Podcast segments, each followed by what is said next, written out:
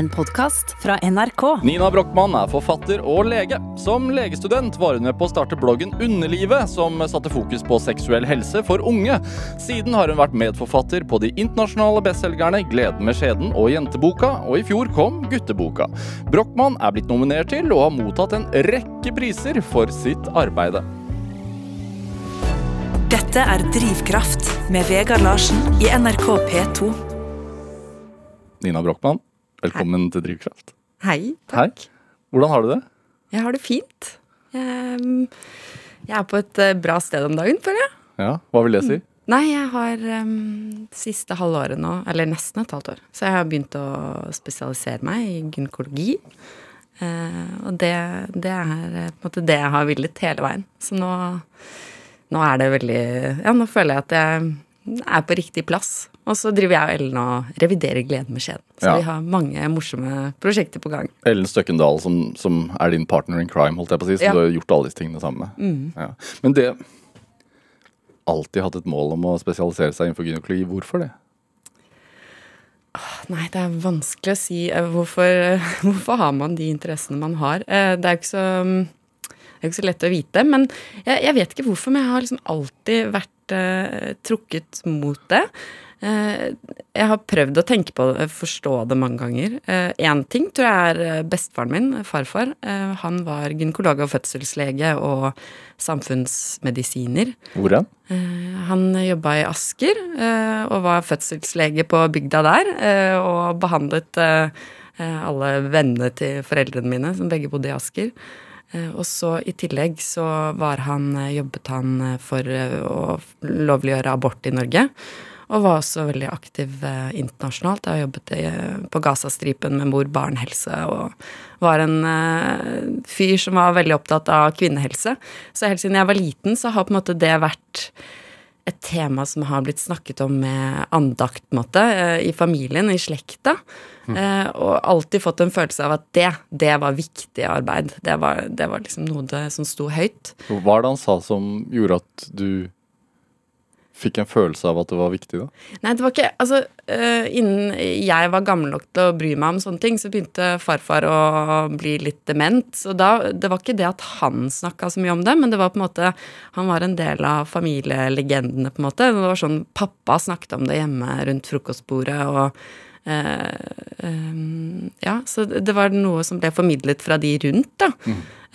og så- men, men altså, det er jo Det var på en måte en sånn Det er en sånn knagg jeg kan henge på som, eh, som eh, sånn eh, ekstern ting, da. Men jeg, jeg har jo også alltid vært på en måte veldig eh, Det blir feil å si tiltrukket av underlivet, men eh, Men det er jo på en måte en slags sannhet i det. Jeg husker jo på barneskolen, så husker jeg fant opp Så syntes jeg det var veldig irriterende at ikke jenter kunne stå og tisse, vi òg. Så da fant jeg opp en, um, en, eh, en sånn jeg, kunne, jeg fant ut at man kunne klippe over en tannpastatube, eh, og så holde den og bruke det som en slags sånn penis, som jeg øvde på å tisse stående da, over do. Dette var vel i tredje klasse eller noe sånt. Og det kom jeg da gledesstrålende og fortalte hele klassen om.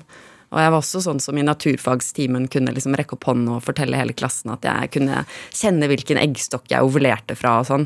Eh, Kjenne hvilken eggstokk du gjorde hva? hvor jeg fikk eh, eggløsning. O- Ovulerte? Ja, ja, jeg fikk eh, eggløsning. Ja. Eh, Burde jeg kjent det uttrykket? Nei, nei, eh, nei. Det er bare Nå var jeg Jeg begynte å snakke i sånn fagsjargong. Det er ikke bra. Det er det vi jobber med å ikke gjøre. Vi skal snakke folkelig og sånn at alle forstår. Fungerte den tannkremtuben?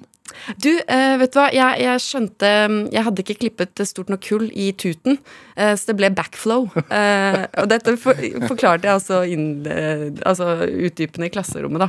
Så jeg har nok alltid vært tiltrukket av de der litt sånn tabu tingene som gjør andre flaue. Eh, samtidig som eh, gynekologi jo appellerer på en måte til den mer sånn samfunnsengasjerte delen av meg.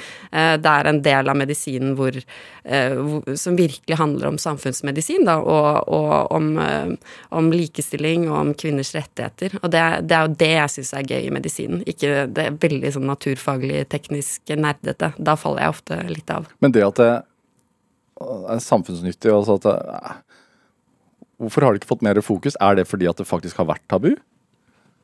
Ja, altså det, det, det er veldig rart når du holder på med det feltet her, da. For du sitter og leser om at uh, deler av kvinnekroppen blir oppdaget og avoppdaget uh, igjen og igjen uh, gjennom medisinsk historie. Du, ikke sant, det er Klitoris blir beskrevet, og så plutselig forsvinner det fra lærebøkene, og så kommer det tilbake igjen, og så så det er så mye ved kvinnekroppen som, som um, Altså, hva vi snakker om rundt kvinnekroppen, blir på en måte bestemt av, av religion, av politikk, av Det er ikke sånn som resten av medisinen, hvor, hvor, er, hvor det er naturfag, da. Mm. Kvinnekropp er liksom, har alltid vært politisk og, og et religiøst domene, og, og det, det gjør jo at medisinen aldri har vært objektiv når det gjelder kvinnen kvinnekroppen. Og mm. det, det, ser man så utrolig fort. Og så er det også så frustrerende, for du ser at det er liksom ting som faktisk er forska på, da, og så, og så, bare blir det ikke spredt, fordi folk er ikke Folk syns det er flaut å snakke om, og folk eh, syns det er privat, forståelig nok. Mm. Eh, så eh, pasientene deler liksom ikke sitt perspektiv. Hva er det som er flaut å snakke om, da?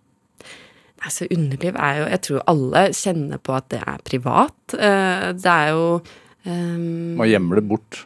Ja, og det, og det, gjelder jo menn også, til en viss grad. Altså Men det er noe med kvinners underliv Jeg vet ikke om det er det at det er liksom litt mer skjult. At vi på en måte ikke ser andres peniser. Henger jo der og dingler, ikke sant. Mens og er på en måte umulig å skjule. Mm. Mens kvinners underliv, de, de, ser man jo ikke med mindre man er i en gynekologstol eller skal ha sex med noen. Uh, og da, da vet man liksom aldri helt om det man selv har mellom beina, er normalt. Om ens egne opplevelser er normale. Mm. Um, så jeg tror, det har, jeg tror det har en innvirkning. Og så er det også det der at uh, særlig kvinners seksualitet jo gjennom tidene har vært, um, har vært veldig kontrollert, da, og uh, hatt klare føringer om hva som er greit og ikke greit. Var det, altså Siden du lagde en uh hadde den noe navn, den tannkremtuben? Sånn, lagde et redskap for å stå og tisse så, ja. i, i, tredje klasse på barneskolen. Så var ja. tydelig, en, en, tydelig protest da, i veldig ung alder om at hvorfor skal ikke vi kunne stå? Ja, jeg, jeg vet ikke. Jeg har vært fra en tidlig alder har jeg vært veldig sånn rettferdighetsfokusert og opptatt av, av likestilling og Eh, kvinners eh, stilling. Jeg vet ikke hvor det kommer fra, altså, men eh, jeg, hadde, jeg har hatt utrolig mange kule, veldig uttalt feministiske lærere opp gjennom årene. Jeg vet ikke om det har hatt noe å si. Um, og så har jeg jo selvfølgelig sånn 70-tallsmamma med hår under armen og som ikke barberer leggene og det har, vært, det har jo vært mye sånt prat hjemme, da. Kommer jo fra sånne akademikerhjem hvor vi har snakket kvinnesak og politikk og uh, sånne ting over frokostbordet fra jeg, så lenge jeg kan huske. Mm, hva ville vært opprør hjemme hos deg? Åh, jeg følte jo på et vis da at det å bli lege altså Jeg kan ikke si at det var opprør, men det var, det var på et vis et lite opprør. Jeg, hvorfor det? Hvorfor det? Å bli lege er et opprør? Utrolig rebell. Uh, ja, uh, nei, men det var altså, Hvordan skal det gå med Nina når hun begynner på medisin? Ja, nei, altså Nei, men det var jo uh, Alle i familien min er jo driver med samfunnsvitenskap, og jeg begynte jo på det først. Jeg var jo Jeg er jo statsviter i bånn, jeg studerte det først i fire år. og så kom jeg til at vet du hva, jeg orker ikke å på en måte gå i fotsporene til mamma og pappa. Um, og møte alle deres kolleger og, og hele tiden uh, Ja, nei, så, så, da var det sånn dette Jeg må lage min egen vei. Og da ble det medisinen. Mm. Det er kanskje ikke et rebelsk uh, Det er ikke et virkelig opprør, da. Men, Men altså, jeg tenker sånn Bøkene som jeg nevnte i introen her, som du har skrevet med Ellen Støkkedal, har jo solgt mm solgt bra, mm. for å si det forsiktig. Mm. Eh, både i Norge, men også i mange land internasjonalt. Eh, oversatt til 40 språk, kom jeg fram til. Sånn nærmere, i hvert fall. Ja, jeg tror det er noe sånt. 36-37. Ja. Gutteboka, som kom i september i fjor, fikk terningkast 6. Ble nominert til Brageprisen. Og alt dette skjedde jo mens du drev og ferdigutdanna deg til å bli lege. Mm. Eh, hvordan er det? Og så sier du nå sånn Å, det er så deilig nå, for nå har jeg en vanlig jobb. Nå kan jeg endelig gjøre det jeg har lyst til. Mm. ja, ja, altså det, Jeg har jo levd Jeg føler jo at jeg har fått levd et slags drømmeliv eh, de siste årene òg, da. Men, men eh, det er jo noe eh, Det er jo deilig også å ha en sånn eh, vanlig, vanlig jobb. Hvordan Det er, er en vanlig dagjobb på Ahus, da? Nei, altså akkurat nå så er jeg, jeg er jo i opplæring, så jeg har Jeg går akkurat nå, så driver jeg og læres opp til å begynne å gå i vakt. Jeg har ikke begynt å gå i vakt ennå. Det, det er jo det man eh, gleder seg til og gruer seg til. Eh, skulle stå og være ansvarlig for eh, kvinner som føder. Det er jo fryktinngytende. Um, men um, eh, har du, hvor, har du, hvor mange fødsler har du vært med på? Nei, det, det husker jeg ikke. Det er mange. Men, um, men eh, Og jeg syns fortsatt det er Nei, det, det er kjempefint. Jeg, jeg begynner ofte å gråte. Jeg syns det er så vakkert. Ja. Men, ehm, men eh, eh, Nei, altså hva som er fint med det Nei, det er jo fint da å på en måte få lønn og, og kunne gå på jobb og uh, kunne fordype seg i noe man syns er gøy, uten at man på en måte må uh, finne opp kruttet uh, hver dag sjæl. Det syns jeg Det er jo mer avslappende. Altså det å skrive bøker er jo utrolig gøy, og jeg og Ellen har jo hatt det privilegiet at vi har vært to. Og det gjør jo at det er mindre ensomt, og vi har noen å spare med og sånn, men det er jo fortsatt Du sitter liksom hjemme på en pult og skal prøve å finne på noe, og uh, er dette bra nok? Er, er, dette spennende nok? Har noen lyst til å lese dette? Det er jo, det er jo mye grublerier og, og mm, eh, usikkerhet på en måte underveis. Og så Um, og, og liksom et, en ensom prosess, da. Uh, Så jeg, jeg syns jo det er helt herlig å jobbe på sykehus og på en måte ha et kollege og folk jeg kan drikke kaffe med og ja.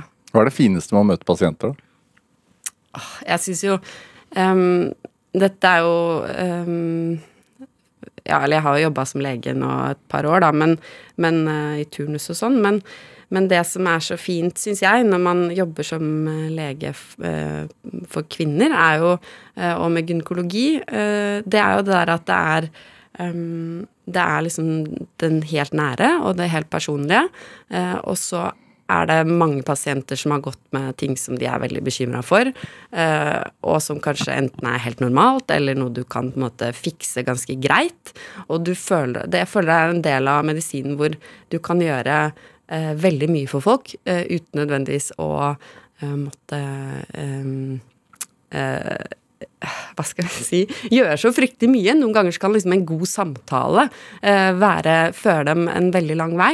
Um, og det var jo noe av det som tiltrakk meg mm, til dette feltet også i utgangspunktet, og som gjorde at jeg startet med, sammen med Ellen da, med seksualundervisning og, og kunnskapsformidling på dette feltet. Nettopp fordi det, er, uh, fordi det er så få samtaler om det, og fordi det er så tabubelagt, så, så gjør det at uh, selv helt sånn enkel faktaopplysning kan føre til ganske sånn revolusjonerende forandringer i folks liv. Som for eksempel?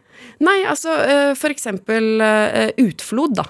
Altså, du ville blitt sjokkert over hvor mange damer jeg har møtt som tror at det er et eller annet galt med underlivet deres fordi de har utflod. Mm. De tror at de er skitne, mens dette jo eh, faktisk er noe alle voksne, eller alle kvinner har fra de kommer i puberteten. Ikke sant? Og det, det er på det helt banale eh, nivået. Og så er det eksempel eh, Vi har jo jobba mye med, med seksualhelse også, ikke sant. Eh, lyst, eh, orgasmer, altså sånne ting. Hvordan mange folk eh, Jo, hvor ofte du har sex i parforhold, sånne ting. Em, hvor, du, hvor du Det er mange som går rundt og føler på mindreverdighetskomplekser og tenker at liksom jeg, mitt sexliv er ikke bra nok, jeg er ikke flink nok i senga, sånne ting. Og så kan du bare opplyse dem om hva, hva er liksom et vanlig seksualliv. Da? Nei, det er ikke sånn du leser om i, i damebladene eller ser på pornofilm. Sånn fungerer det. Og så ser du på en måte at folk eh, får en helt annet, annet eierskap til kroppen sin, og et annet eh, liksom et mer avslappa forhold til sitt eget seksualliv også. Og det, det er fryktelig gøy. Er du en slags sånn underlivspsykolog? Eh, Tidvis. det har jeg aldri blitt kalt, men eh, ja, nei, den, den merkelappen, den Ja, en slags underlivspsykolog. Dette er Drivkraft med Vegard Larsen i NRK P2. Og i dag er forfatter og lege Nina Brochmann her hos meg i Drivkraft på NRK P2. Altså du, du sa at du har vært med på en del fødsler, og at du gråter. Hvorfor får du deg til å gråte? Altså, Jeg prøver ikke å gjøre det så synlig, da. Jeg vil ikke belemre pasientene med mine følelser. Men jeg er jo et menneske med mye vakkert, følelser. Ja. altså. Eh, du skjønner jo når det passer seg, og, eller når det ikke passer seg. eh, håper jeg i hvert fall. Men, ehm, Nei, altså det er jo eh, Jeg er jo en litt sånn eh, Det høres kanskje rart ut, men eh, engstelig person. så jeg syns jo fødsel er på en måte Jeg syns det er skummelt. Uh, det er så utrolig sånn dyrisk, og det er sånn urkraft. Um, og det, det Jeg er et menneske som i livet ellers på en måte setter veldig stor pris på å ha kontroll høyt kontrollbehov. Så fødsel er jo på en måte det, så langt unna du kommer, da. Det er på en måte naturen tar over. Mm. Eh, og det syns jeg er utrolig liksom, fascinerende og skummelt på en gang. Og så går det bra.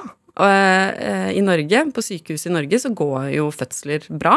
Nesten alltid, ikke sant. Eh, og så kommer det et nytt menneske til verden som gråter, og du ser de foreldrene, og du skjønner liksom nå har jeg vært så privilegert at jeg har fått vært med på et øyeblikk som de kommer til å huske Jeg begynner så grinne bare å snakke om det. De kommer til å huske resten av livet. ikke sant? Det er et av de sterkeste opplev eh, opplevelsene i et menneskes liv. Og her er jeg som får lov til å stå her og se på dette. Jeg syns bare det er så vakkert. Komme, når barna kommer opp på puppen der øh, Nei, det er, det er virkelig altså, det, er, det er en gave hver gang. For jeg blir Blir de fødende kvinnene tatt godt nok vare på?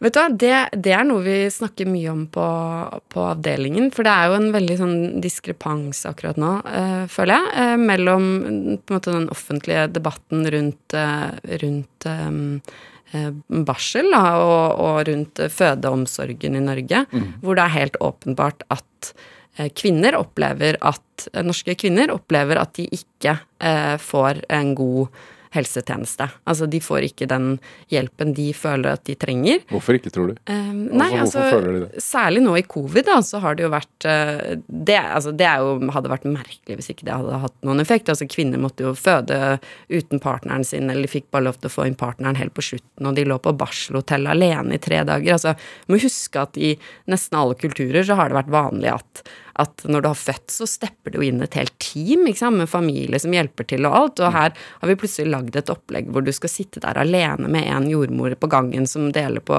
15 fødekvinner. ikke sant? Det er, det er, jo, det er jo, merkelig at ikke eh, Det hadde vært rart hvis ikke det førte til at eh, kvinner um, reagerte. Um, men samtidig så har vi også på en måte den tryggeste Altså, Norge er på en måte det tryggeste landet i verden å føde. Mm. Eh, det går bra. Vi har en en høy kvalitet på, på, på, det medisinske. Så det er liksom eh, en utrolig gap da, mellom kvinners opplevelse av, eh, av det å føde i Norge, og det, eh, det, liksom det medisinsk-tekniske oppi det. Eh, som jo holder et veldig høyt nivå. Og der tenker jeg vi har en lang vei å gå. Jeg, personlig så tenker jeg at det derre tanken om at man skal fortest mulig ut, og at man skal klare alt selv, altså det, at det kanskje har gått litt langt, da. Vi, mm. vi trenger litt mer omsorg. Det er en ganske heftig greie å få barn, selv om det er naturlig.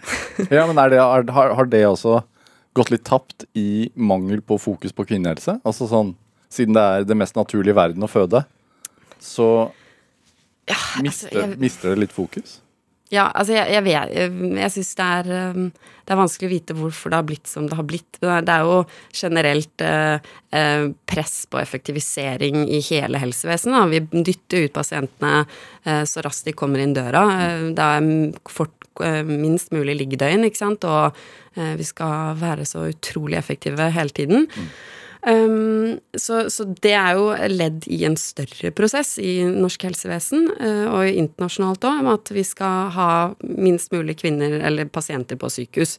Men så er det også dette med at uh, fordi Jeg vet ikke om det har noe med uh, Altså det er likestillingen også, at man på en måte, vi kvinner, vi skal jo vi er opptatt av å få frem at vi kan få til alt det menn kan få til, og det, det kan vi jo, men, men kanskje man Ehm, at det har gått litt på bekostning da, av eh, de, de, rent faktiske uh, fysiske behovene som man har, og psykiske, ikke minst, mm. behovene man har rundt det å føde. Altså det er utrolig fysisk krevende, og for mange en skjellsettende psykisk uh, periode med masse hormoner og barseltårer og, og ting som, som, som, vi på en måte må Som kanskje har um, gått litt i glemmeboka når vi liksom skal eh, altså, og jeg er jo ikke Jeg har jo drevet og skrevet bok og holdt på og gjort tusen ting når jeg har eh, vært i perm, så, så jeg er jo ikke um, et godt eksempel på det der. Men eh, jeg, jeg, hører, jeg, hører, at det er veldig mange kvinner der ute som, som opplever at uh, de ikke får kabalen til å gå opp mm. om dagen. At de er, de er tynnstrekt. Opplever du, altså siden du har hatt denne tiltrekningen til kvinners underliv, holdt jeg på å si, ja. altså, og kunnskapen rundt det. Ja. Altså, det å føde er jo én ting, men, men opplever du at uh, kunnskapen om det å kunne bli gravid også er lav? Altså sånn i forhold til Hva mener du, det å kunne bli gravid? Nei, altså det er, det er mange som venter lenge med å bli gravid. Ja, ja. Og så blir man kanskje overrasket over at det er vanskeligere enn man tror. Ja. Jeg um det der er noe jeg har uh, engasjert Eller både Ellen og jeg har jobba med i bøkene våre og, og snakka om en del. Det der med Det derre pushet om å om å få barn eh, senest mulig. jeg syns det er litt vanskelig, for på et vis så syns jeg kanskje vi eh, i medisinen er litt vel eh, At vi liksom fremstiller det som om det er en så veldig sånn drastisk eh, fall. Og ja, det er jo et fall. Altså når du kommer um, bikker 37, eh, så er, det, så er det en drastisk reduksjon i, i um, Eh, evnen til å mm, få, altså bli gravid da, og mm. holde på det, ikke spontanabortere og sånn. Men samtidig så, så, får jo de aller fleste det til, eh, og mange av de som ikke får det til, ville ikke ha fått det til om de var 30 heller, og det vet du på en måte ikke før du prøver. Så jeg syns jo den derre uh, shamingen som en del kvinner opplever, altså med at de blir 'når skal du få barn', og mm. at, at, den kanskje noen ganger er litt vel hard. Men så, så, er det andre ganger det føles litt absurd, hvor du har damer på kontoret ikke sant, som er 39 år år gamle og, og, og, virkelig liksom ikke har tenkt på det, og så er de liksom Ja, nei um, Uh, nå ville de gjerne ha henvisning til det og det, liksom, fordi det, de hadde ikke blitt gravid på to måneder. Og så begynner de å snakke litt, så har de virkelig liksom ikke tenkt over uh, det der med klokka, da. Så ja. det, jeg syns det, det, er overraskende. Eh, hvor lite folk kan om det, samtidig som jeg syns vi i helsevesenet kanskje kan være litt uh, ufine noen ganger med den klokka tikker-metaforen. Hvor er det man burde satt inn støtet hva gjelder kvinnehelse i Norge i dag, da? Sånn på forskningssiden og ah, altså, det, Da spør du feil person, tror jeg. Um, men uh, altså Det er jo veldig Poenget, det som er problemet altså Hvis du skal Forskning i medisinen, uh, der man får penger, det er jo der hvor det er mulig å utvikle medisiner. Ikke sant? Der, der det er noen som har noe å tjene på et produkt, ikke sant, der er det lett å få penger. Det er det jo veldig lite av i, i, kvinnehelse. Det er jo på en måte p-piller og prevensjon, det er oppfunnet. Eh, det er videreutviklinger der, men, ehm, men ellers så er det liksom uh, Innen kirurgiske fag da, så er det ikke så mye uh, du kan tjene penger på, så er det lettere og vanskeligere å skaffe penger til det. Og så er det jo mange av disse kvinnesykdommene, ikke sant, sånn endometriose og polycystisk ovaresyndrom og sånn, mm. som er utrolig sammensatte. og det er vanskelig det er vanskelig å forske på det.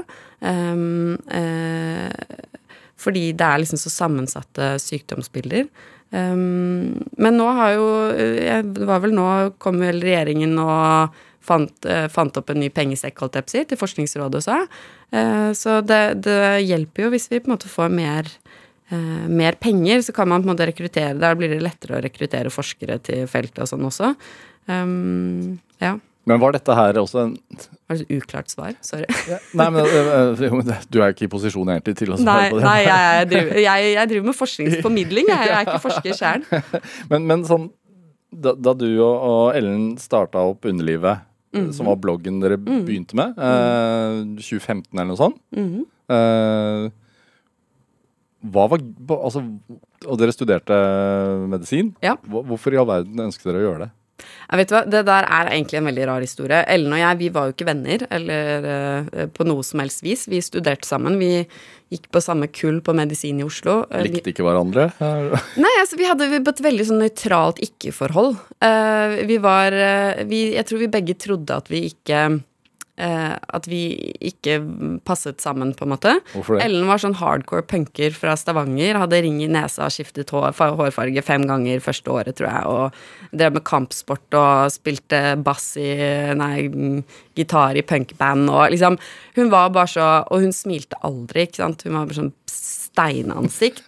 Mens jeg var sånn som fikk krampe i smilemusklene og preika i vei på inn- og utpust. Og jeg tror vi bare tenkte at liksom, vi er veldig forskjellige. Eh, så hun var en av de få på kullet mitt som vi, vi bare hadde ikke noe særlig kontakt. Og så var vi begge engasjerte i Medisinernes eh, seksualopplysning. Som er en fantastisk norsk organisasjon som ble starta på 70-tallet. eh, som driver med seksualundervisning, på, primært på ungdomsskoler rundt omkring i Norge. Det eksisterer på alle universitetene. Men- Hvorfor engasjerte du deg der? Nei, jeg, altså, jeg begynte jo på medisin fordi jeg ville holde på med dette her. Seksualhelse og kvinnehelse. Det var det som Det var, det var eneste grunn til at jeg egentlig ville begynne på medisin.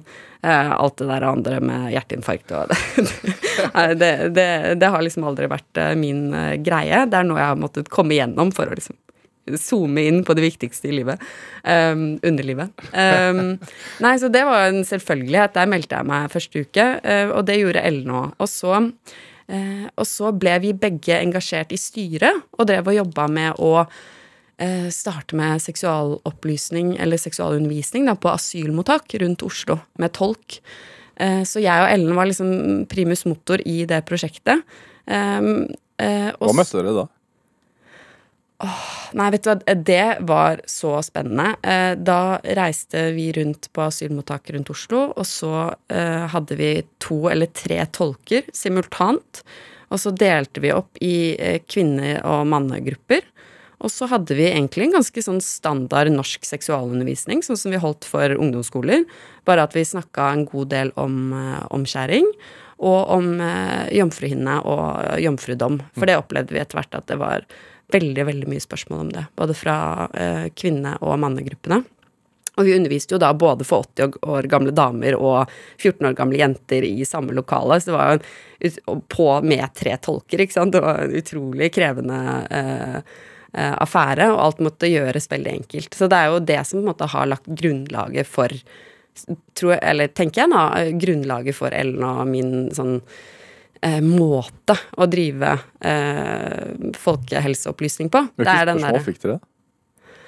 Altså, det var virkelig alt mulig. Altså, det var alt fra på en måte um, uh, Jeg tror kanskje det mest sjokkerende uh, spørsmålet jeg fikk, det var et par som kom til meg i en pause og spu... De skjønte ikke hvorfor uh, hvorfor hun ikke ble gravid. Um, og så snakka jeg en stund med dem, og så spurte jeg ja, men hvordan har dere sex, da? Um, og så viste det seg at hun var jo, hun var jo omskåret. Hun var infibulert, altså sydd igjen. Uh, sånn som er praksis i veldig mange deler av verden. Uh, så det var så smertefullt for henne å ha vaginalt samleie. Eller det hadde de ikke vurdert, så de hadde hatt analsamleie i, i lang tid og skjønte ikke hvorfor hun ikke ble gravid. For det var liksom ingen som hadde fortalt dem hvordan man, hvordan man lagde barn. Ikke sant? For henne så var det bare ett hull som man kunne bruke da uten intense smerter.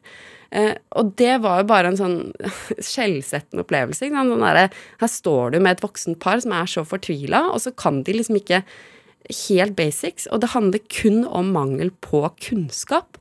Det er liksom Og det er nettopp i sånne opplevelser hvor du møter sånne enkelt, enkeltskjebner, og du kan virkelig på en måte? Du kan si 'vet du hva, dette kan du få hjelp med'. Eh, det fins senter på Ullevål. Her kan du få hjelp. Her kan du opereres. Her, eh, sånn lager man barn. Ikke sant? Det er sånn. Og etter det så kan livet deres forandre seg, bare på den lille samtalen. Fordi du har turt å spørre 'men hvordan har dere sex'? Ikke sant? Det er ingen som har turt å spørre dem om det før det. Så det er type spørsmål vi fikk. Og så hadde vi mange gode samtaler om omskjæring.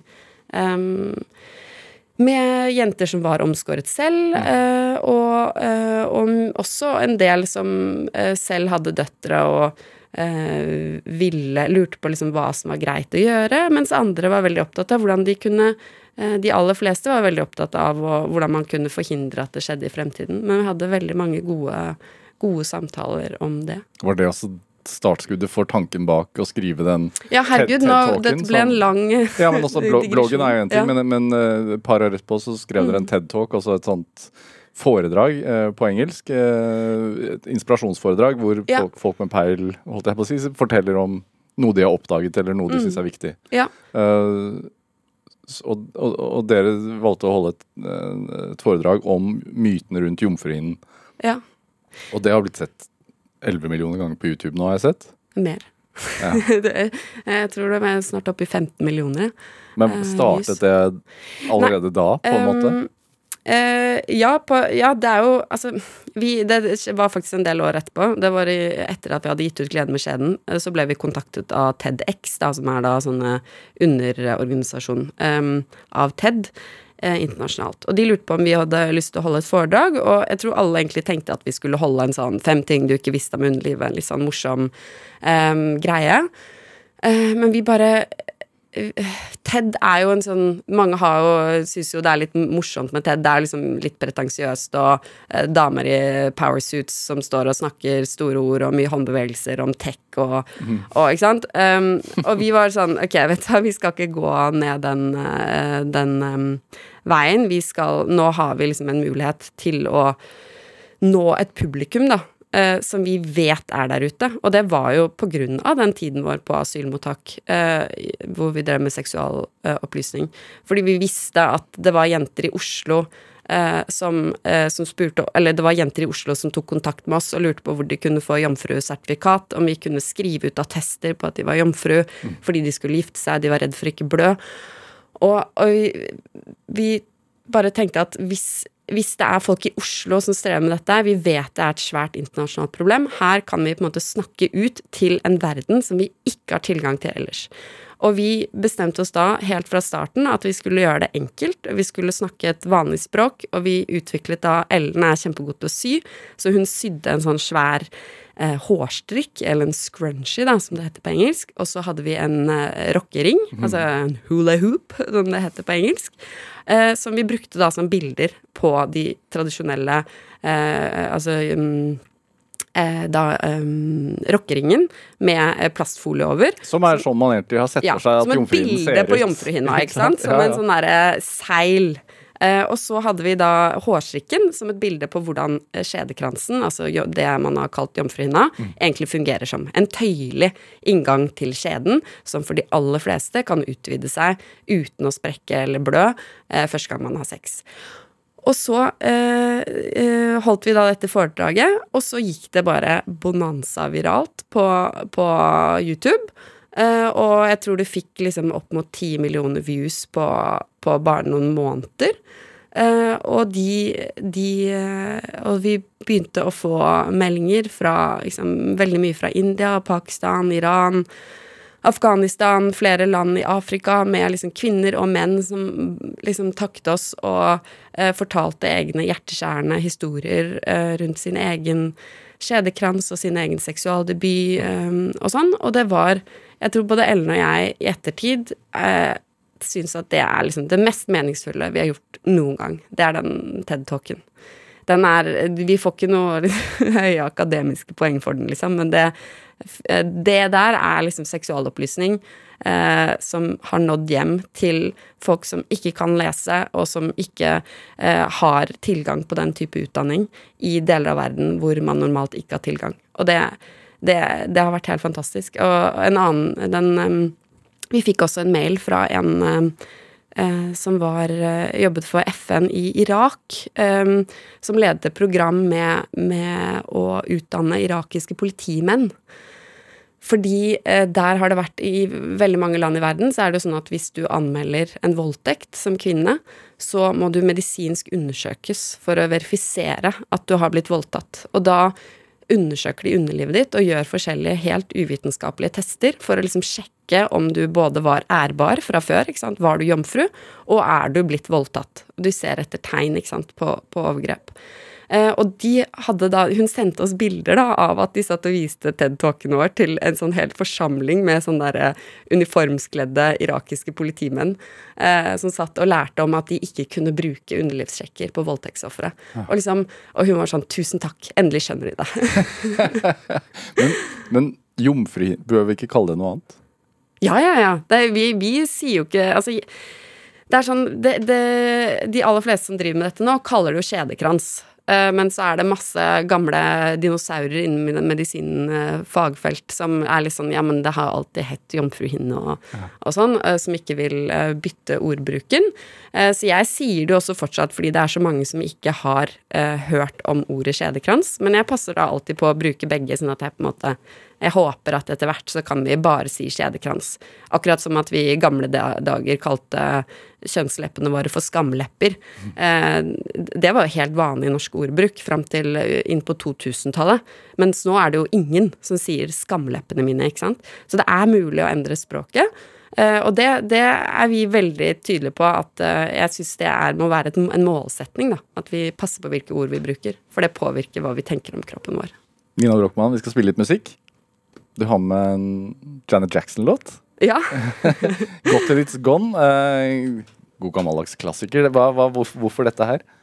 Og den kom i 1997, og jeg var en bråmoden eh, tiåring eh, med pupper og, og, følte meg litt sånn fremmedgjort for eh, omgivelsene. Eh, jeg var liksom voksen i en sånn barneverden. Og så eh, satt vi hadde, Jeg leste alltid avisen på morgenen. og leste en sånn panegyrisk anmeldelse av Jan Jacksons nye CD, og at det var liksom en klassiker. og jeg ønsket meg den til jul. Så det var liksom første CD-en jeg fikk. Og jeg husker at jeg lå hele den juleferien og bare lyttet og lyttet og lyttet. Og det var første gang jeg følte at jeg hadde på en måte var del av en sånn voksen verden. Den var sånn helt min egen. Eh, og i tillegg så hadde jeg bare hørt på, på gamle eh, Johnny Mitchell-CD-er hele barndommen. Så det var på en måte eh, Ja, det var et lite opprør, da. Det var sampling av min mors eh, plater.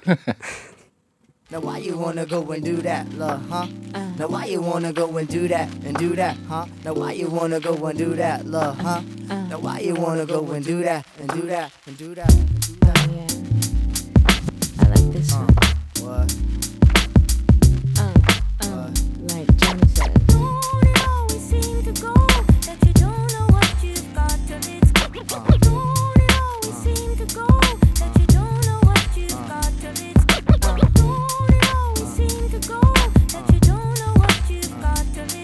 Wow.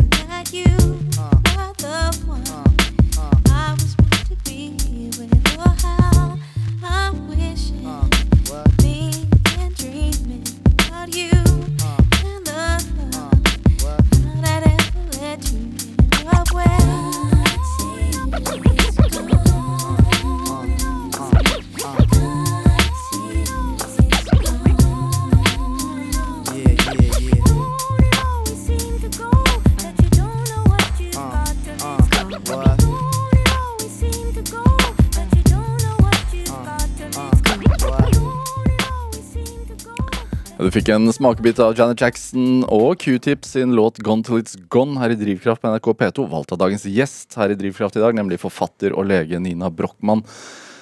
Altså, vi begynte jo så vidt å snakke om at, uh, at du og din medforfatter uh, og medblogger uh, Ellen Støkkendal egentlig ikke likte hverandre noe særlig på Eller hadde ikke så det, var ikke naturlig at dere skulle bli venner, Nei. men dere fant sammen. Ja, nei, og det var Det er egentlig vi, vi, snakker ofte om at det er det mest vellykkede arrangerte ekteskapet vi vet om. Um, fordi vi ble faktisk, etter at vi hadde jobba med disse asylmottakgreiene, som var et strengt faglig samarbeid, um, så fikk vi plutselig en mail fra Nettavisen. Av alle mulige steder. Jeg tror aldri jeg hadde lest Nettavisen i mitt liv. Og så plutselig lå det en mail i innboksen eh, stilisert til da Ellen og meg, hvor det sto Hei, eh, vi tenkte at dere kunne starte en blogg hos oss om eh, seksualhelse for ungdom. Og så, eh, på dette tidspunktet var jeg da høygravid med mitt første barn og var på medisinstudiet og var egentlig ganske eh, tydelig på at dette hadde ikke jeg tid til. Um, men da sa Ellen ja, ok, men da gjør jeg det. Eh, for Ellen, Ellen, har aldri sagt nei til noe, tror jeg, i hele sitt liv. Hun er liksom et et overskudds-ja-menneske av dimensjoner. Um, og så, uh, Mens jeg prøver å være litt sånn realistisk, og nei, dette har jeg ikke tid til, og sånn. Men hun sa, uh, når hun sa ja, så slo min eh, overdrevent store konkurranseinstinkt inn. Så jeg var sånn Hvis Ellen skal gjøre det, ikke faen, da skal, da skal jeg jo være med. Eh, så da sa jeg ok, nei, men da er jeg også med. Ja. Og så satte vi oss ned for alle, vår aller første kaffe og planla bloggen. Og etter det så er det historie. Tenk, tenk at det er det som altså, Så tilfeldig. Ja, ja. Vi arrangerte arrangert ekteskap i regi av Nettavisen. Jeg kan ja. anbefale det til flere. Hva er hemmeligheten bak et godt uh, arbeidspartnerskap, da? Åh, jeg og Ellen er jo Vi er utrolig like på mange vis, da. Vi, det oppdaget vi jo ganske raskt, at vi, vi har jo den samme litt sånn uh, nerdete eh, interessen for det samme, fagfeltet. Og så er vi Vi ler veldig mye. Eh, vi har veldig litt sånn mørk humor. og tøyser veldig mye. Og så er vi dønn ærlige, da. Både jeg og Ellen tror jeg blir oppfattet av andre som tidvis litt sånn strenge og tydelige. Um, uh, men det i, i, vårt samarbeid så har det funka veldig godt. For det har nettopp gjort at, uh, at vi har alltid fått snakka ut om alle, uh, alle For altså, det oppstår jo gnisningspunkter altså når man jobber på den måten. men vi har liksom alltid fått snakka om det. Og Um, og sagt fra når noe ikke har funka. Uh, og det er det som har holdt det gående. Det har jo også gjort at det, det, er jo ingen Jeg føler jeg lever Altså, livet mitt består av to ekteskap. Det er det med mannen min, og det til Ellen. Og jeg noen, lurer noen ganger på hvem jeg er. Altså, Ellen føler jeg nesten kjenner meg egentlig best. Går de, går de overens, da? Ja, ja, ja, ja, ja. Men det er veldig separat. Jeg, jeg blander egentlig ikke Jeg, Jeg har liksom to, to, to, ekteskap som lever godt hver for seg. Hadde, hadde du fått det til Altså, hadde du fått til å gjort de samme tingene aleine? Altså, det, det, vet jeg ikke. Eh, på en måte Nei, jeg tenker egentlig nei. For det er noe med at, eh, som jeg sa, Ellen er et eh, helt sånn fantastisk ja-menneske. Så egentlig alle tingene vi har gjort, så har jeg egentlig sagt nei først. Så jeg tror jeg hadde, jeg hadde tenkt at dette blir for mye, og så hadde jeg bare ikke gått løs på det. Mens Ellen har liksom pusha meg til å gjøre ting som jeg ikke trodde jeg ville få til. Og så um, Men når jeg først er i gang, når jeg har sagt ja til noe, så har jeg en veldig gjennomføringsevne, da. Mm. Uh, så da Så sånn sett er vi et veldig godt team. Hun sier ja, og så er jeg sånn den som på en måte drar prosjektene i land. Uh, så vi har på en måte hver vår rolle. Hva er det som fører til en uh, skepsis, da? Eller en sånn at du vurderer, må vurdere ting på, i utgangspunktet? Er det realistsiden? Uh, ja, nei, det er vel egentlig at jeg har veldig mm, høyt, høyt pretensjonsnivå. Nei, uh, uh, perfeksjonskrav, da. Sånn at jeg vil ikke gjøre noe hvis ikke jeg føler meg ganske trygg på at dette blir bra. Um, eller jeg har nok tid til å levere et produkt som jeg tenker er liksom dødsbra. vi, vi, spilte jo Du hadde jo med en Janet Jackson-låt, altså ja. amerikaner. Ja. Hva har USA betydd? USA har en ganske sentral rolle i mitt liv. Um, og har vel forma meg på mange, på mange vis. Jeg, uh, jeg flytta til USA i syvende klasse.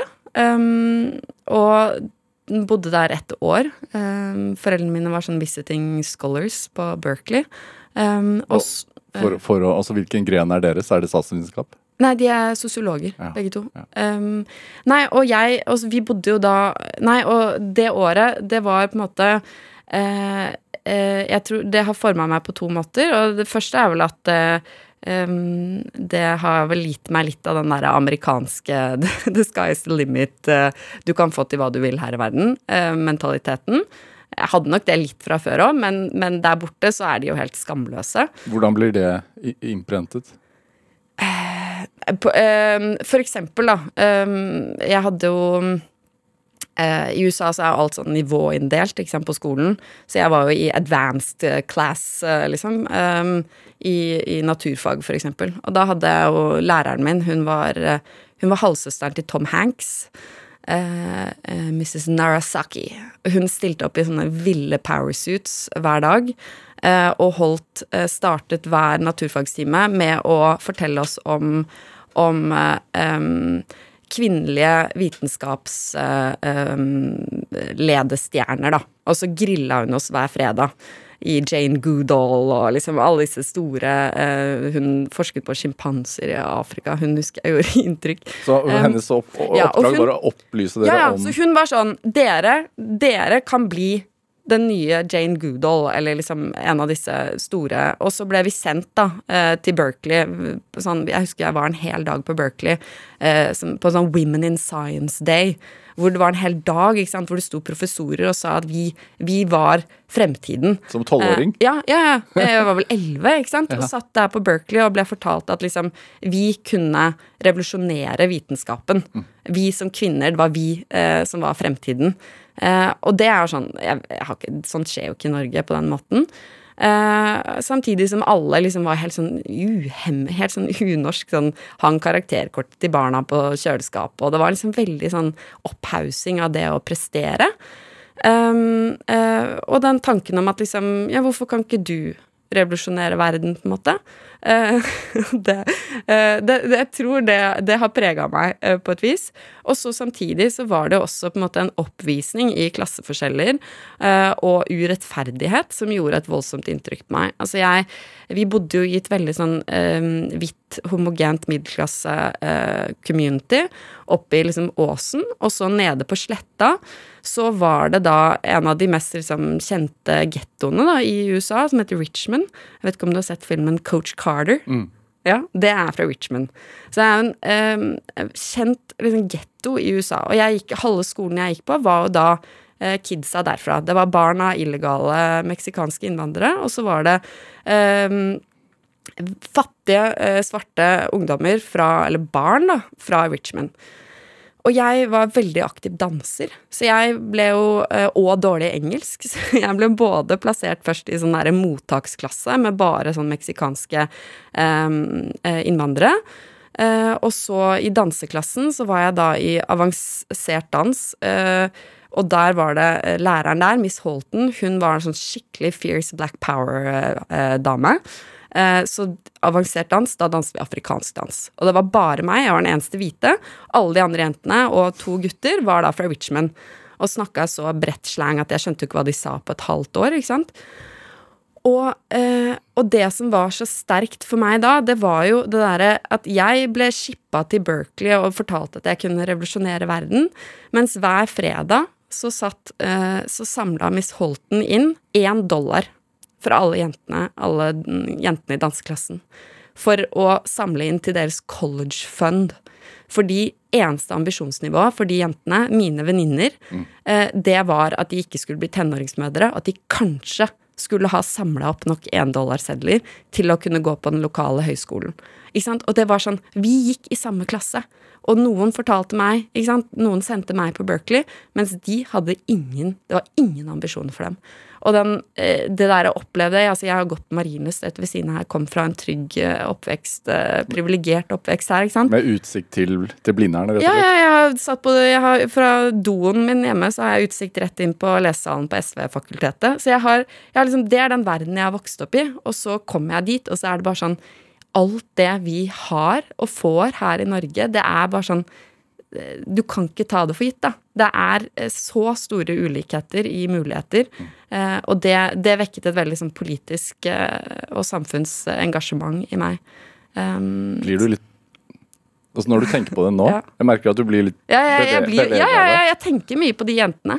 Jeg lurer på hvordan det går med dem. Jeg har prøvd å søke dem på Facebook, og sånn, men jeg, de, jeg finner dem ikke. Men um, ja, nei, de, det gjorde veldig inntrykk. Fordi det var Jeg husker jeg var hjemme hos dem, og det var liksom De bodde i sånn ettromshus på 15 kvadratmeter med full familie og uh, var liksom Nei, det var Og det var en helt egen verden, ikke sant, som jeg bare navigerte alene som elleveåring. Jeg husker jeg gikk gjennom den gettoen liksom alene med sekk, og det var shootings, og det var Nei, det var liksom en vill, vill opplevelse som elleveåring. Det Er det viktig at man er bevisst sin egen bakgrunn? Altså at man er privilegert? Om det er viktig? Jeg vet ikke. Men det, øh, ja, jeg tror jo alle i Norge har godt av å tenke, reflektere litt over hvilke goder vi har her, da. Um, men, men altså, for meg har det i hvert fall Det er jo der jeg henter mye av min drivkraft. uh, uh, ja, altså sånn eh, Ja, og hvis jeg føler at det er et sted jeg på en måte kan gjøre en forskjell, da, eh, eh, og jeg kan hjelpe til å, å forandre på noe, om det så bare er en liten ting, så, så merker jeg at det, det engasjerer meg. Da, da begynner jeg å liksom boble av energi og tenke at sånn, her, her kan jeg få gjort noe. Mm. Så da kan det heller koste å sitte oppe seint på kvelden for å jobbe, og så at man, du får krefter av det, rett og slett? Ja, ja, ja. Altså, det, jeg, altså, jeg kan bli helt sånn sydende av energi. Eh, virkelig sånn kjempevåken og kjenne at jeg liksom bobler. Det kjennes nesten sånn eh, Ja, litt sånn følelse hvis du blir litt sånn sint og engasjert eh, eh, i, i ett. Um, eh, så når jeg går inn i nye prosjekter, så, så er jeg helt sånn eh, Ja, da syder det, liksom. Eh, ja. Men var det det du oppdaget da du, altså fordi du, du studerte jo statsvitenskap også i USA? Ja, ja, ja. Det er min andre runde med USA. Ja, Det var da jeg var 19. Da flytta jeg til USA på nytt, alene. Men var det da at du oppdaget at veien til å hjelpe andre er lengre herfra? Som gjorde at du tok medisin? Uh, ja, faktisk. Det er jo utrolig eh, ja, eh, fin oppsummering av det. Det var egentlig akkurat det det var. Jeg trodde jeg, skulle, forandre, jeg skulle forandre verden som en eh, naive 19-åringer. Og tenkte jeg skulle dra til New York og studere statsvitenskap um, og begynne å jobbe i FN eller UD eller et eller annet. Og så jeg syns jo det var generelt veldig tøft da, å flytte til USA og, studere der. Um, men, um, men, kjente etter hvert på en ganske sånn ja, stor avmakt. Um, på at det var liksom så uendelig langt frem til de du skulle gjøre noe for, og at jeg følte at veldig mye bare handlet om papirmøller og byråkrati og posisjonering og karriere, uh, og at det var mer sånn for å ha uh, ha på papiret at du liksom Oh, I'm doing good for the world, liksom. Og så handlet det egentlig mest om at du syntes det var fint å spise kanapeer i FN-bygget, liksom. Um, um, nei, så det var det, var det som det er, jo, det er jo fortsatt det som jeg syns er så gøy med medisin, da. At du kan, at du kan virkelig liksom hjelpe folk. Uh, både én til én, men sånn som Elna og mitt prosjekt, da, hvor vi tar den medisinske kunnskapen og den autoriteten man får gjennom faget, og til å kunne hjelpe folks liv. Mm. Um, og nå senest da gutter i pubertet. Ja. eh, som man kanskje kan tenke sånn har fått mye oppmerksomhet, men, men kanskje ikke heller. Jo, vet du hva, faktisk, det syns jeg eh, har vært en litt fascinerende opplevelse. Fordi jenteboka, da den fikk faktisk ikke så veldig mye oppmerksomhet. Mens gutteboka, der, der føler jeg virkelig at vi har vært i hvert eneste medie... Jeg tenkte mest på gutter i puberteten. Altså sånn... At gutter ikke har fått så Ja, nettopp! nettopp, Gutter har ikke fått så mye oppmerksomhet. Mm. Uh, gutter har forsvunnet litt i uh, og altså, godt er det at vi har hatt mye fokus på å løfte opp jenter nå, og, og få økt fokus på, på, de utfordringene som unge jenter har. Men vi må ikke glemme gutta, liksom. Uh, og det, det var um, Så det å skrive gutteboka, det har vært en skikkelig fin opplevelse. Um, og det har også åpnet øynene mine for mange av de utfordringene som unge gutter har, da. Uh, og jeg har jo en ung gutt selv. Jeg har en seks og et halvt åring. Uh, og, og, med en gang du blir guttemamma, så får du jo på en måte et annet uh, hjerte også for, for Jeg må jo si det. At, hva, hva forandrer seg? Nei, altså jeg, jeg vokste opp med en, en jentefamilie har en søster. Og jeg har, jeg har aldri eneste, Mine eneste befatninger med gutter har vært når jeg har vært forelska eller vært kjærester med gutter. Um, uh, og det er jo en litt annen form for relasjon, eh, kan man si. Um, nei, så dette er første gangen jeg liksom kjenner på Ser hvordan det er å være en jeg har en sånn veldig en gutt med veldig mye futt og energi, og som syns det er vanskelig å sitte stille på skolen, og gjerne vil lekslåss i alle friminutt. Og det er liksom en del sånne ting som jeg før var sånn åh, gud, liksom. Mm. Kan ikke de gutta bare skjerpe seg? Det var sånn jeg var, ikke sant. Jeg var sånn veslevoksen jente som syntes de gutta var dritirriterende. Og nå merker jeg at jeg, jeg Nå ser jeg på en måte de guttene på et annet vis. Mm. Er du, det, det, er sunt, tror jeg. Er, er det en annen bekymring som forelder for en gutt enn for en jente? Uh, ja, altså for jenter så er man jo bekymra for, uh, for eh, ja, at de skal bli utsatt for overgrep, og at de skal bli tenåringsgravide, og det er hele den rekka. Det er du ikke så bekymra for med de guttene, da. Med gutter, så jeg vet ikke. Jeg er bekymret for at han ikke skal oppføre seg pent. Jeg er bekymret for at han skal brekke noen neser. Jeg er bekymret for at han ikke skal uh, tørre å få være uh, Være liksom seg sjæl, da. Uh, um, på grunn av trange mannsroller og sånn. Og så er jeg opptatt av at han skal behandle, hvis han blir interessert i damer, at han skal behandle dem pent.